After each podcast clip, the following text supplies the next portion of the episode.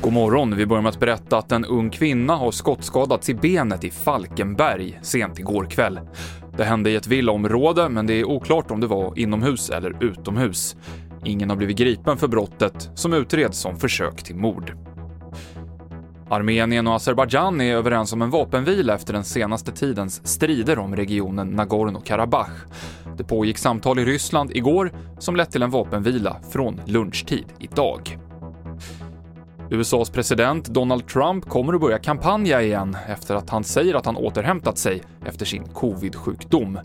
På måndag ska han möta väljare i Florida och redan idag så håller han ett möte i Vita huset som 2000 personer bjudits in till, där Trump ska tala från en balkong.